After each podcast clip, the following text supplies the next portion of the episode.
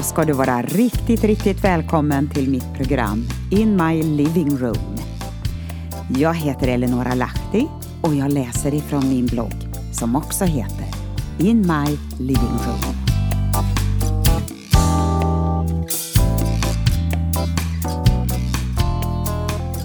Och du som har lyssnat på mina program ett antal gånger vet ungefär vad jag brukar röra mig i för spann, i för område. Ja, i och för sig, det kan vara allt möjligt det kan handla om.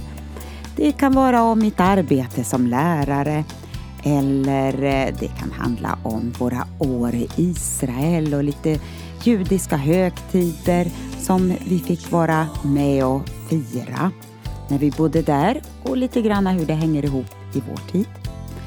Men väldigt mycket rör sig eh, inom mig om den tid som vi lever i. Och eh, det är väldigt mycket som händer på många, många olika sätt. Kanske det är sånt som berör oss personligen, men vi kan också se i Sverige och globalt vad som är på gång. Krafter i tiden och mycket står på spel. Välkommen till mitt program In My Living Room med mig, Eleonora Lahti.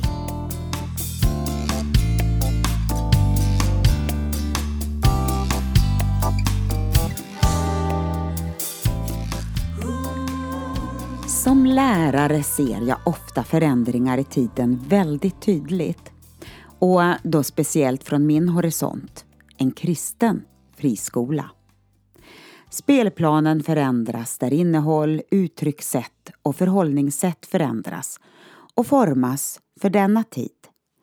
Och det är på gott och på ont. Själv så växte jag upp med kristendomsämnet under mina första skolår. Vi hade en psalmbok i bänken och vi sjöng till fröken Ullas orgelspel. Morgon mellan fjällen. Hör hur bäck och flod sorlande mot hällen sjunger Gud är god, Gud är god.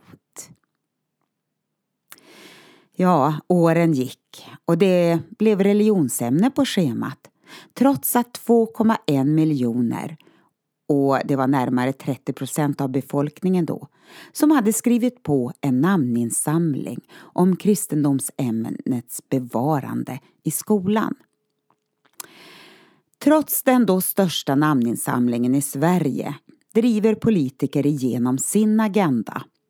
Och ja, här är vi idag. Och eh, historien, den ser ut att upprepas. Varje tid har sina krafter att kämpa emot och helt plötsligt är man fundamentalist, bakåtsträvare, omodern, trångsynt. Ja. Eller kan det vara så att man anar något som ligger och lurar i framtiden?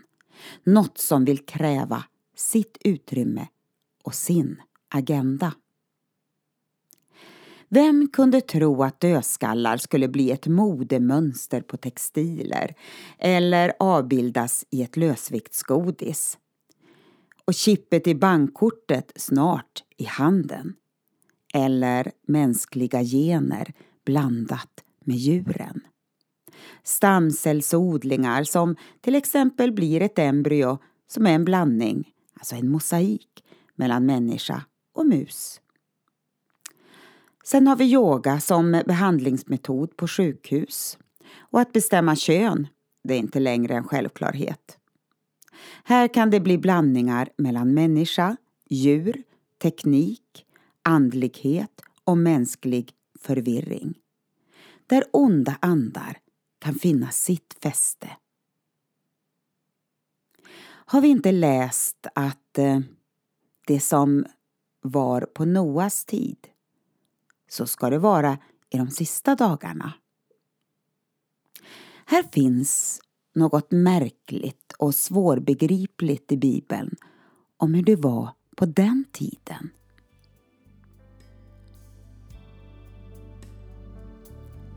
I Första Mosebok kapitel 6, där kan man läsa.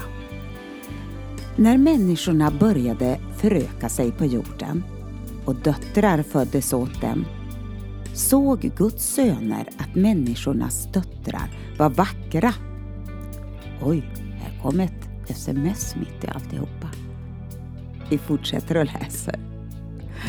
Och det tog till hustrur alla de ville ha.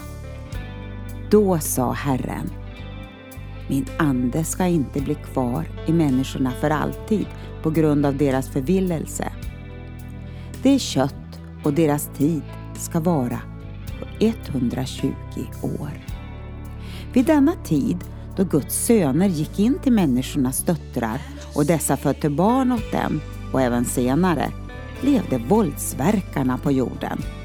Detta var forntidens väldiga män som var så ryktbara.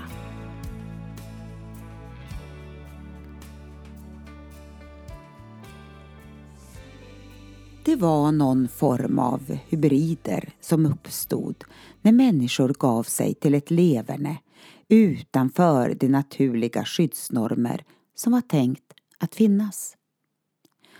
Och i vår tid är det redan här. Och nu finns det ett par ord som jag skulle vilja markera i den bibeltext som kommer. Det är ordet svåra tider och våldsamma.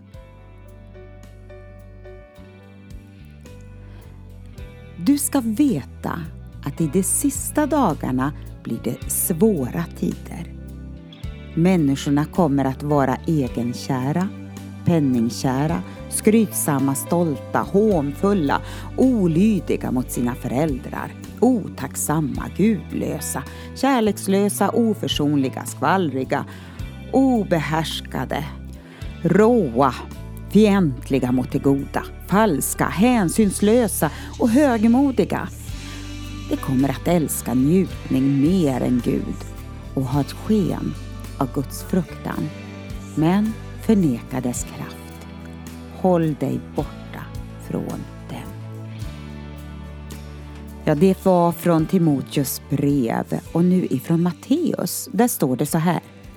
När Jesus kom över till Gadarenernas område på andra sidan sjön möttes han av två besatta som kom ut från gravarna. De var så våldsamma att ingen kunde ta sig förbi den vägen.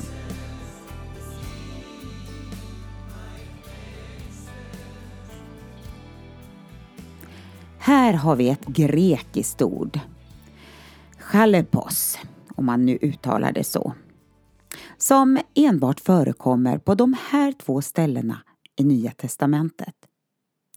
Det har betydelsen av tider av stress och eh, mycket svåra att motstå.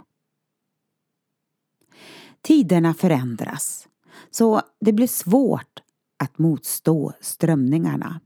Och man ger sig till ett sken av Guds fruktan och erkänner inte Guds kraft till tecken, under och mirakler. Och dödskulturen har blivit normaliserat.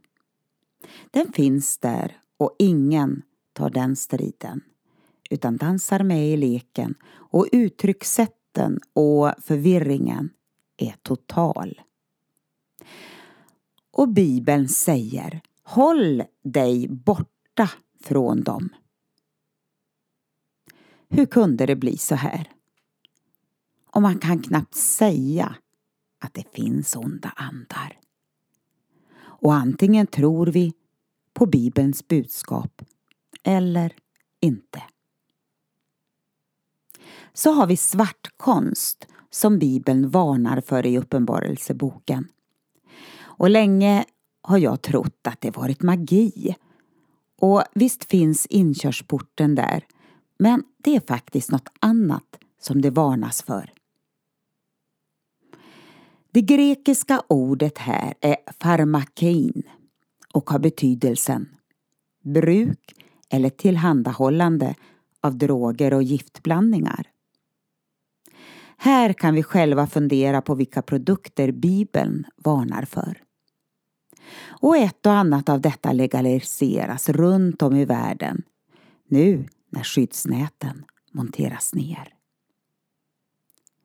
Vi ska inte vara okunniga om de strömningar och den utveckling vi lever mitt uppe i. Men frågan är ändå till sist. Vart vänder vi blicken i en tid som denna?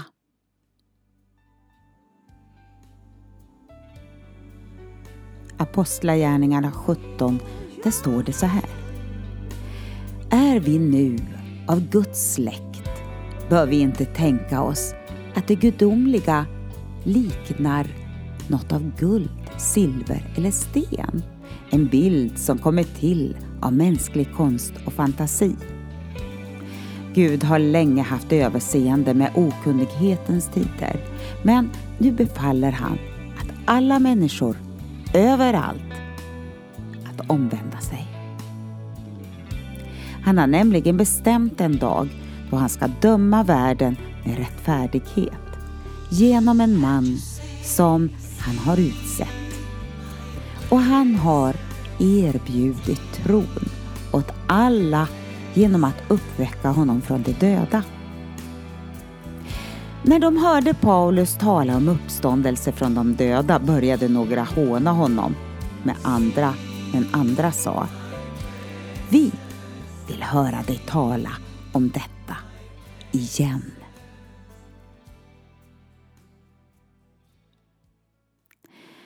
Det kommer alltid att finnas de som hånar, förlöjligar och ifrågasätter. Men det kommer alltid att finnas de som vill höra mera.